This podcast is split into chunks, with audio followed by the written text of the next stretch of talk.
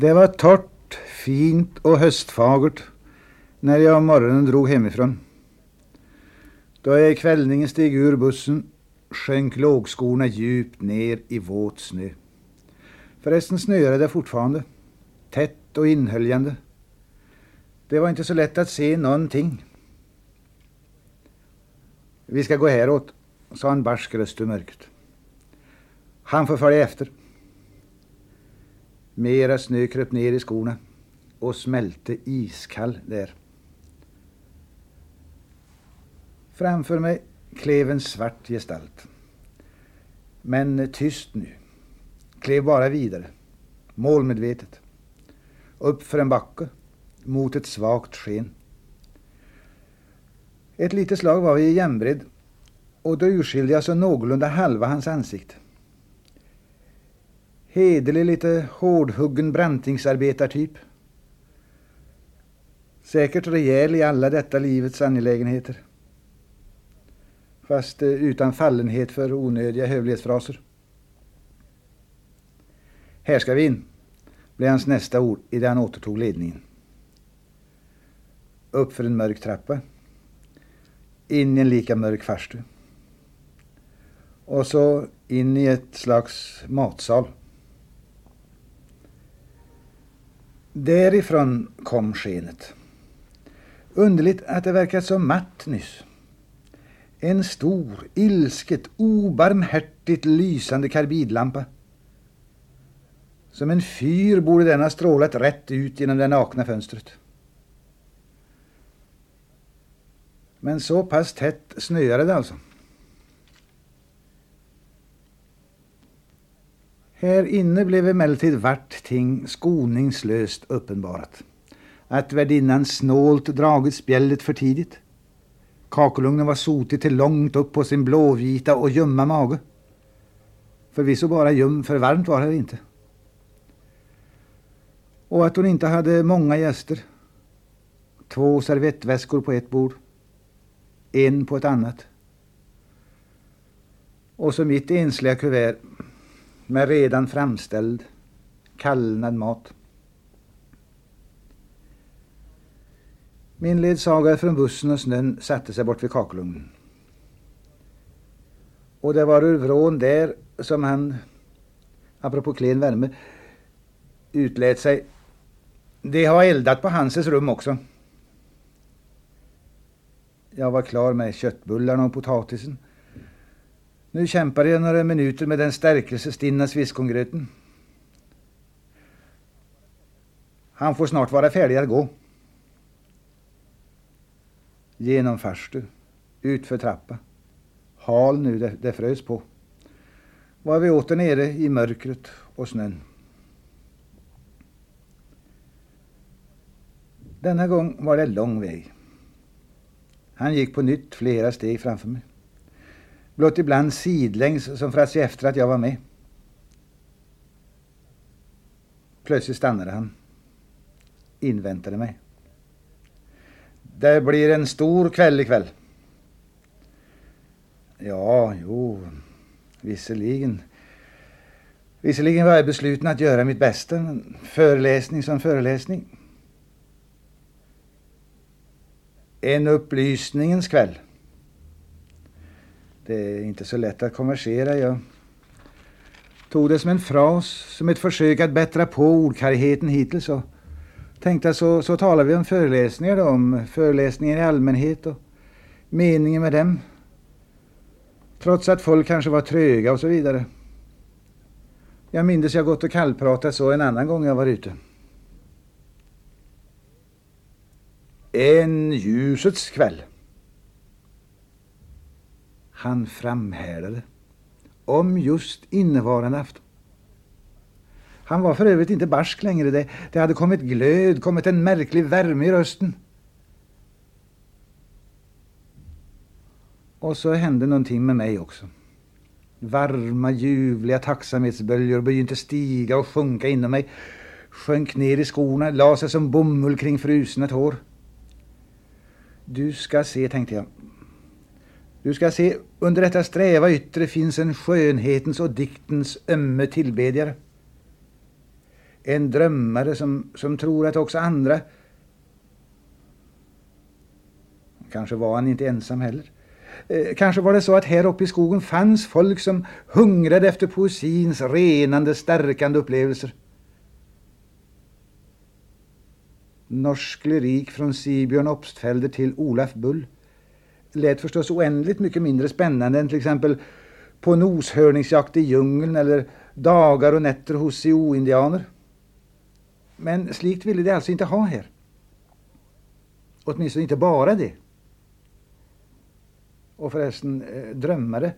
Han såg ut som en betrodd man. Han, han kände nog det sina.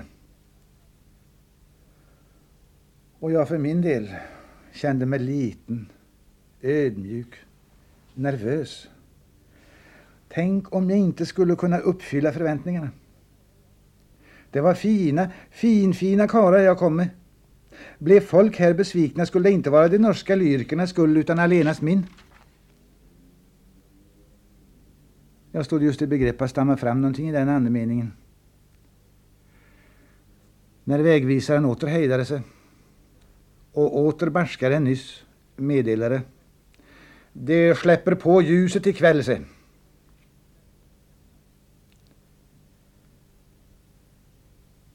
En hygglig samlingssal är en av de bättre så långt jag kunde skönja. Vilket emellertid inte var så förfärligt långt. Framme vid talarstolen, den var ynklig, blott ett lågt litet bord, brann en fotogenlampa av minsta och tarvligaste sorten. Enda ljuset än så länge. Vi bägge det enda likaså. Klockan hade slagit åtta. Nu led även den akademiska kvarten mot sitt slut. Inte en själ syntes till. Det kommer nog, sa Branting tryggt. Och blev tagen på orden. Dörren öppnades och in steg ett medelålders par. Gediget klätt. Självmedvetet. Satte sig på första bänken. Där var postmästaren, röt Branting. Och starnarn rullade ekot bort och la sig någonstans i salens djup. Det fick hoppa upp igen när apotekaren kom med fru. Föreståndaren i kooperativa, desslikes. Överläraren, ensam. Samt och synnerligen fint folk en lång stund. Och två bänkar fylldes. Allihopa var de visst vana vid den ljudliga presentationen förresten. Ingen av dem såg det bittersta förvånad ut. Sen hände ingenting. Sen kom två arbetare och ställde ner en verktygslåda innanför dörren. Varefter det åter försvann. Detta sista verkade dock, om ens, som en signal. Nu strömmade publiken in, mest ungdomlig. Bänk efter bänk blev fullsatt. I mörkret, där det tisslades och tasslades. Tills det plötsligt blev aningsmättat tyst när de bägge arbetarna ånyo trädde inom dörren och hämtade med sig verktygslådan ut igen. Kvart i nio var klockan. Ska jag inte börja? Vi väntar. Klockan nio kan han börja. Om de inte är färdiga till dess. Men det är de nog. De var inte färdiga. Det kom inget ljus. Blott fotogenlampan lyste. Susade. Susade nästan segersäll tyckte jag att jag hörde i stillheten. Och så steg jag fram till den, papper i hand. Egentligen välsignade jag mörkret i salen. Det skulle göra åhörarna dubbelt mottagliga för Obstfelders stillsamma ord om lilla Liv från Island som dör på ett fattigt vindsrum i Paris. Jag skulle inte gå rätt på vers i vanlig mening hade jag bestämt utan, utan börja med en berättelse och de från första stund få dem in i ett sammanhang. Den mest lyriska berättelse som nordiska litteraturen äger för övrigt.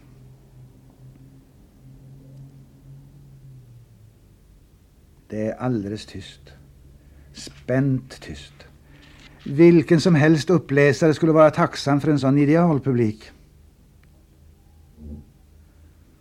Det vill säga vilken som helst som inte visste vad jag vet. Fast kanske är det inte så. Jag tror det blir gripna istället. Lite till och jag är säker på gripenheten. Säker på att dessa Obstfelders frågor når fram just i detta krigets år. Där farer en angst genom mig. Var är det nu alla? Vad gör det? Lever det ännu? Lever mine bröder, människorna? Då rrr, svisch, svisch, svisch, rrr, i väggen bakom mig. Visst lever de Och gör sig påminta. Och rörelse hos publiken. Men inte för diktarens skull och inte för min som läser honom. Blott för den stora stunden som kanske är här nu. Inte än. Och jag lägger hela min själ i stroferna jag har framför mig. Åter är det tyst. Å mänsklighet, vi sänker du öjet mot jord. Mot solen, mot himlen, mot Gud går din färd. Just ögat mot jord. allesammans, Envist mot en bestämd fläck. Jag följer blickarnas riktning och ser i min tur fascinerad hur en lång smal svart orm ringlar sig evinnerligt ut från ett hål i väggen. Ringlar sig hän mot mina fötter, febriga nu i sitt våtvarma omslag. Hur ska en föreläsare kunna konkurrera med en sån på en gång ödmjuk och ihärdig, i stoftet framkrypande lysmask? Måtte det nu vara sant som diktaren säger att den leende äger världen. Le försöker jag. Men med magert resultat. Det känner jag så tydligt. Men så kan jag ju då läsa för mig själv till, till egen glädje. Det är enkelt och sant och gripande det som står i de här raderna.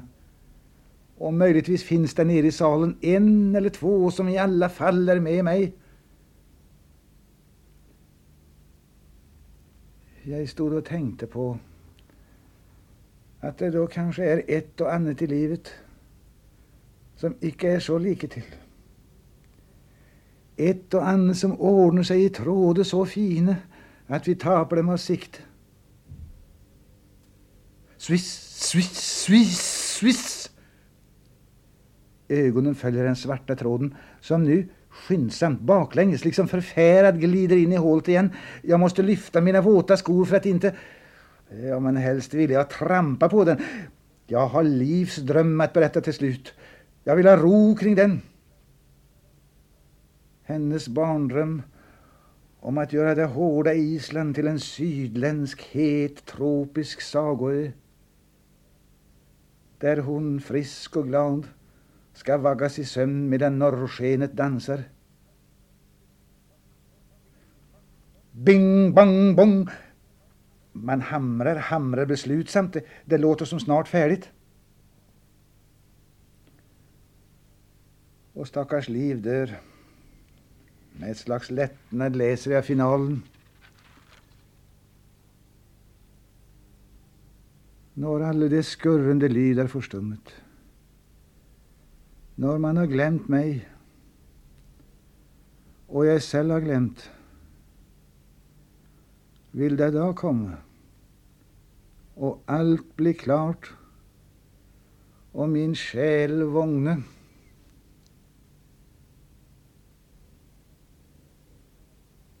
Varför fick jag sen i absolut stillhet läsa just Wilhelm Krag till exempel? Jag kunde gott ha fått lite åskådningsmaterial nu.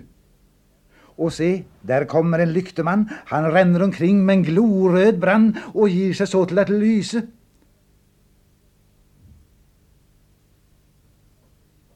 Varför skulle just Vildenvej och Överland få vara i fred? Blott det. Ty så var det slut på förbarmandet.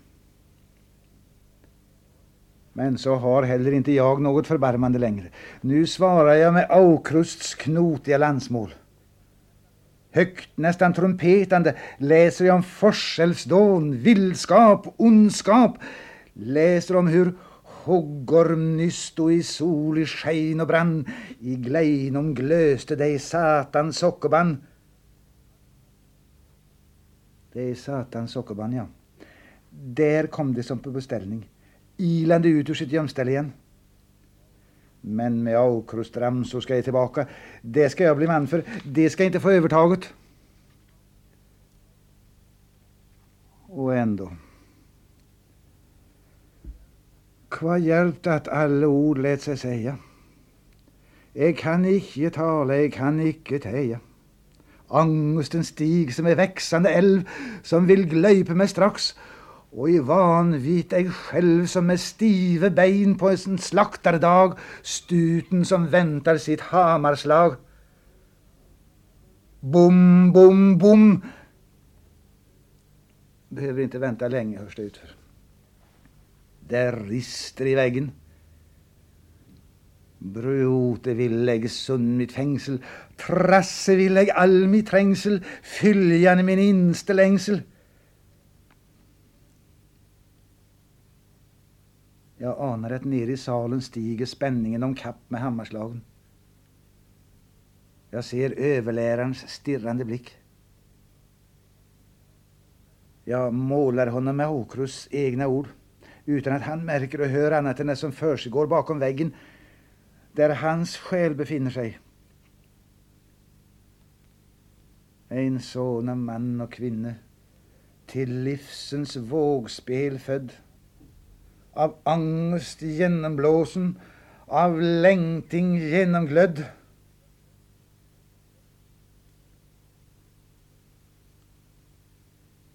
Tyst. Karlet Fukt och Olaf Bull är kvar. Gudskelov i synnerhet för Kollet Fukt.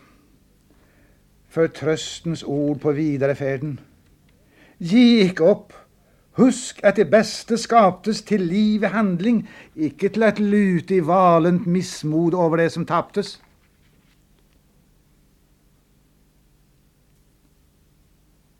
Till det slutgiltigt borttappade. Till det som inte någon min handling kan återerövra. Dit hör dock Gunnos publikens intresse. Det vill säga, det, det finns. Det finns på helspänn till och med men blott för det andra ljuset. Inte för mitt. Ibland böjs alla huvuden åt höger, böjs som ax i vind. Det är när en elektriker kommer in, muttrar någonting, drar i en sladd, slår i en spik, en sinka. Ibland åt vänster, där ett sågande, väsande, surrande ljud hörs nere vid golvet.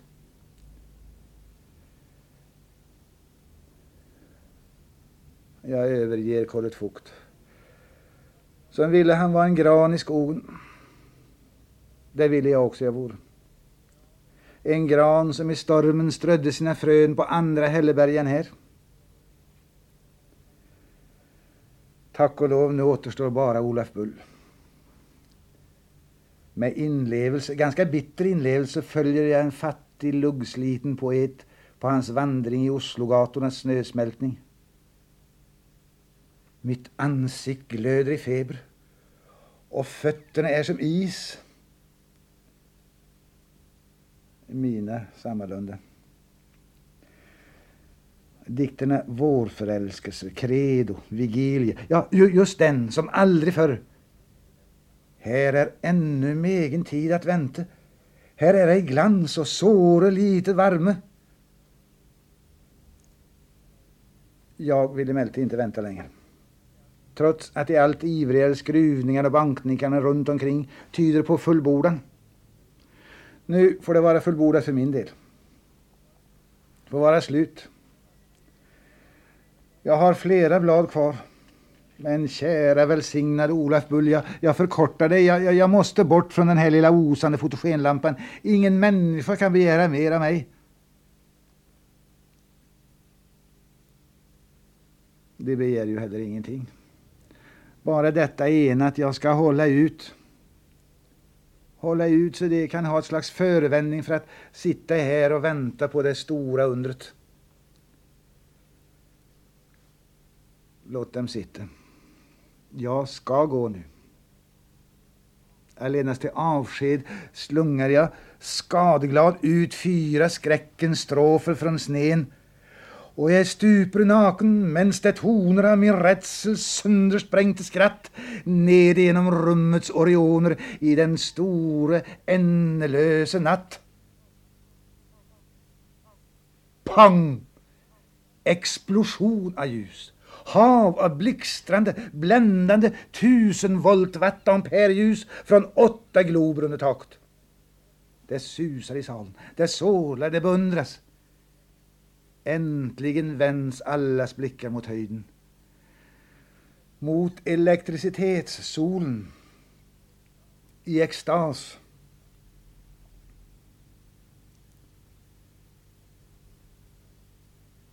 Jag hoppar rätt på de sista raderna i mitt manuskript. Samlar ihop pappren. Bockar. Går hen och sätter mig hos Branting. Han tar emot mig som en triumfator. Det kom allt till slut. Vänta lite nu.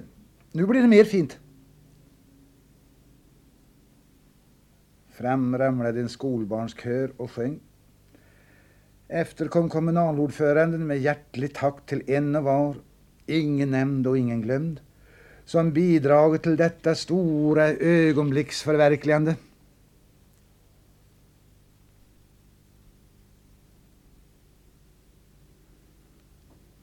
I en säng med madrassen stoppad full av potatis. Och vid skenet av ännu en karbidlampa. Här ska inte monteras förrän till jul, sa värdinnan. Läste jag till klockan fyra om morgonen igenom nästan en meter Albert Engström som stod bort i hyllan. Jag tyckte ingen historia var så förskräckligt rolig. Men det behöver ju inte vara Engströms fel.